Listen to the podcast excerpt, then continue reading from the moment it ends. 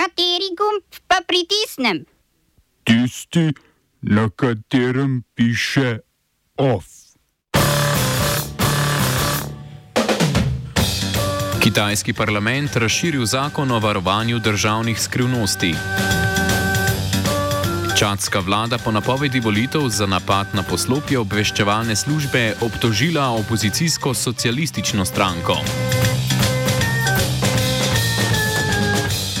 Agencija za varstvo konkurence odločitev o Merkatorjevem prevzemu Tuša preložila na Evropsko komisijo.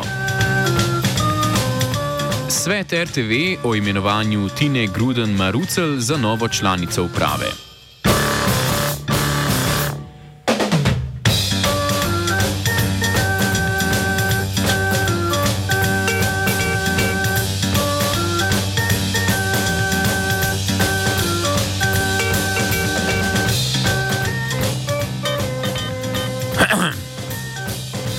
Skoraj treh tednih obleganja strani izraelske okupatorske vojske zaradi pomankanja goriva in medicinskih zalog je prenehala delovati Al-Auda, še zadnja delujoča bolnišnica na severu Gaze. Izraelske letalske sile so zbombardirale tudi mesto Bint Jebel na jugu Libanona, kjer, domnevno, kjer se domnevno nahajajo vojaške zgradbe skupine Hezbollah.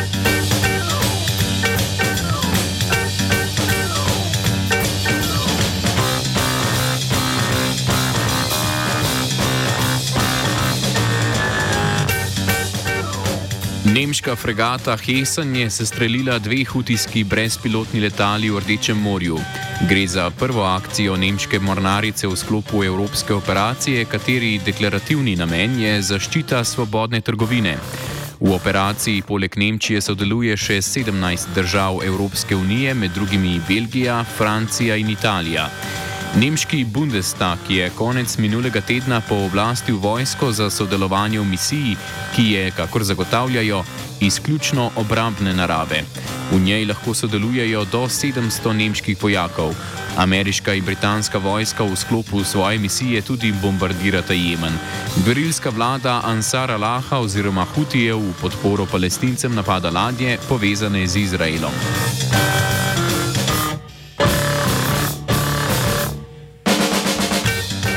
Kitajski parlament je sprejel spremembe zakona o varovanju državnih skrivnosti in razširil opredelitev občutljivih informacij. Po novem bodo kot take obravnavane tudi informacije državnih organov, ki sicer niso državne skrivnosti, vendar bi lahko njihovo razkritje javnosti ustvarilo neželene učinke.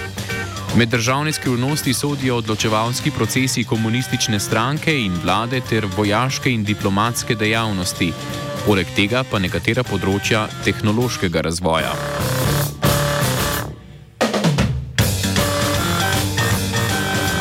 Novozelandska konservativna vlada je v parlament uložila zakon o ukinitvi Maorske zdravstvene organizacije.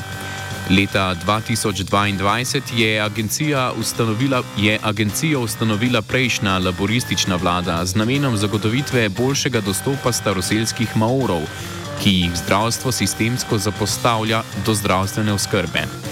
Opozicijski poslanci in organizacije za pravice Maurov opozarjajo, da bo ukinitev poslabšala zdravstveno stanje Maurov.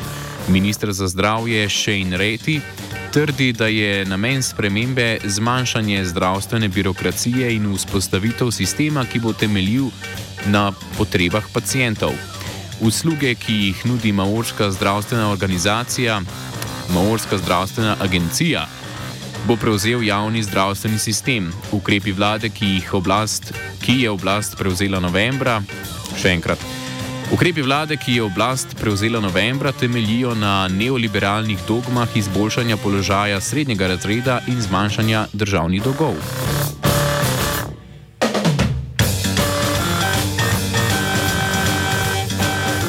Čadska vlada je za napad na poslopje obveščevalne službe v prestolnici Ndžomena obtožila opozicijsko socialistično stranko Brez meja, ki jo vodi Jaja Dilo. Pred napadom so oblasti aretirale člana socialistične stranke in ga obtožile poskusa atentata predsednika vrhovnega sodišča. Dilo, nasprotnik tranzicijskega predsednika, Svojega bratranca Mahamata Debija trdi, da je bil poskus atentata nastavljen in uprizorjen. Dan pred napadom in pogromom nad socialistično stranko je državna volilna komisija razglasila datum predsedniških volitev, ki bodo maja. Debi mlajši, vojaški general, je leta 2021 z državnim udarom nasledil očeta Idrisa Debija, ki je po štirih desetletjih vladavine umrl v bojih z oporniki na severu države. Debi mlajši je razpustil parlament in suspendiral ustavo konec minulega leta pa dosegel referendumsko potrditev nove. Namen prihodnjih volitev je vojaško vladavino Debija spremeniti v civilno, a kandidatirati je nameraval tudi Dilo.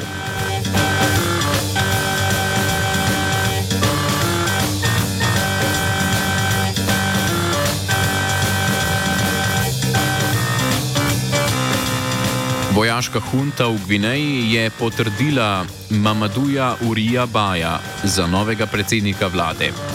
Nasledil bo Bernarja Gumuja, ki ga je hunta predtem odstavila. Ba je bil v preteklosti že minister v vladi narodne enotnosti leta 2007 in leta 2011 pa je šel v izgnanstvo zaradi obtožb o poskusu atentata na takratnega predsednika Alfa Kondeja, ki ga je pozneje pomilostil. Bajeva nova vlada se bo morala spopasti s splošno stavko, ki se je sicer začela predvčerajšnjim zaradi razpustitve prejšnje vlade. Stavkajoči delavci zahtevajo znižanje raztočih cen hrane in izpustitev političnih zapornikov, med drugim novinarjev. Zahtevajo tudi ukinitev medijske cenzure, ki je v veljavi od začetka vojaške vladavine predsednika Mamadija Dubuje. Ta je sicer obljubil volitve pred koncem leta 2024. Gospodarska skupnost zahodnoafriških držav, znana kot ECOWAS, je medtem odpravila sankcije proti Gvineji. Po navedbah skupnosti je bil namen sankcij prisiliti vojaške hunte v, Af v Zahodni Afriki. Kva? Po navedbah skupnosti je bil namen sankcij prisiliti vojaške hunte v Zahodni Afriki k sestopu z oblasti. Sankcije so uvedli tudi proti Maliju in Nigru. V Ekovasu so zdaj spoznali, da strategija sankcij ni bila uspešna, zato bodo morali najti nov način za zagotovitev ustavnega reda v državah članicah.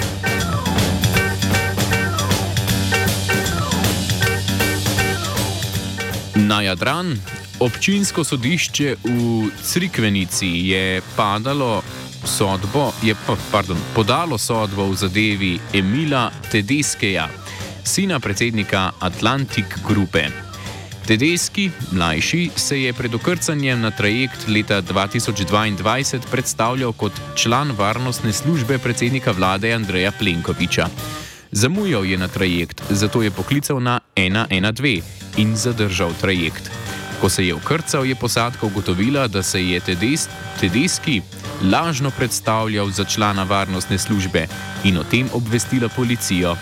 Na malem lošinju ga je policija izprašala in Tedeski je priznal, da se je predstavil kot član varnostnih služb, a trdil, da ni specificiral, koga naj bi varoval. Tedeski bi moral plačati kazen v višini 100 evrov.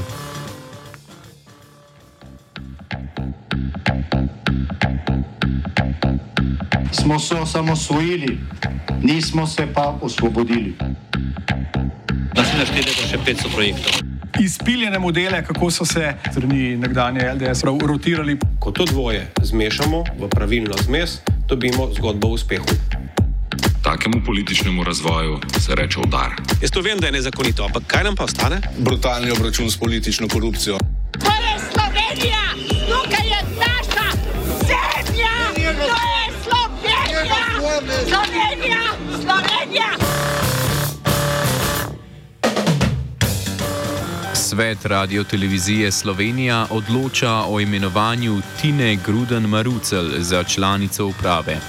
Po odstopu Simona Karduma v decembru jo je predlagal predsednik uprave Zvezdan Martič. Gruden Marucel je trenutno vodja kadrovske službe. Na seji svet obravnava tudi letno poročilo za leto 2023 in predlog novega statuta zavoda. Letno poročilo navaja, da je RTV lansko leto imel 7 milijonov evrov izgube. Če bi prispevek RTV uskladili z inflacijo, bi se prihodki zavoda letno povečali za okoli 29 milijonov evrov, pravijo v upravi. Predlog statuta predvideva tudi ukinitev informativnega programa na drugem programu televizije, ki je bil projekt prejšnje uprave za zagotovitev kadra, zdaj ukinjeni vdaji Panorama.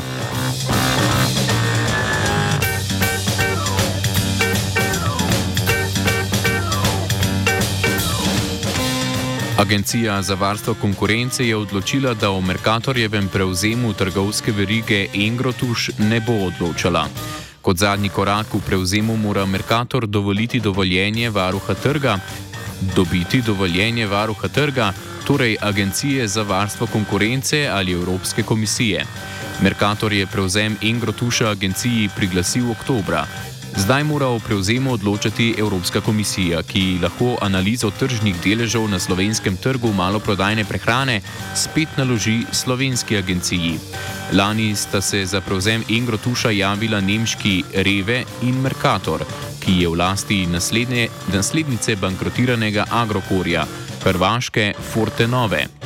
Merkator je ponudil okoli 30 milijonov evrov a pred prevzemom mora dobiti potrdilo, da prevzem ne bo omejil konkurence na maloprodajnem trgu.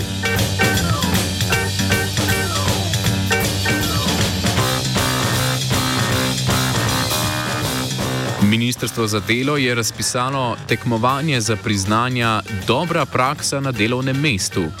Na tekmovanje se lahko prijavijo podjetja, ustanove, zavodi, ponudniki usposabljanja, izobraževalne organizacije, sindikati, delodajalska in panožna združenja, nevladne organizacije, spletne platforme, skupine platformih delavcev in mnogi drugi.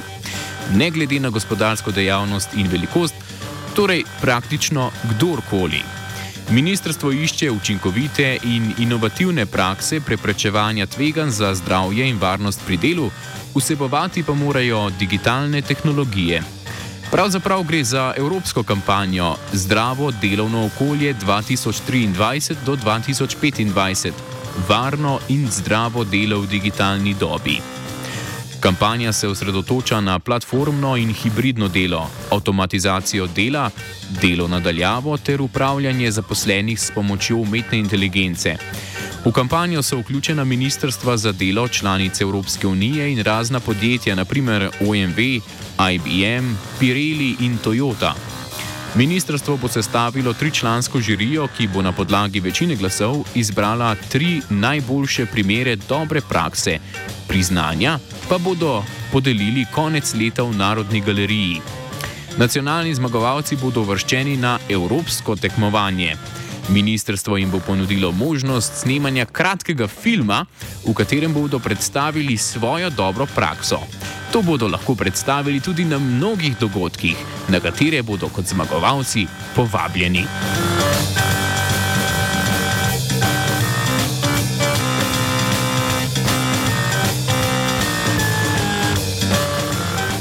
OF sta pripravila vajenec Rok in Pia Zala.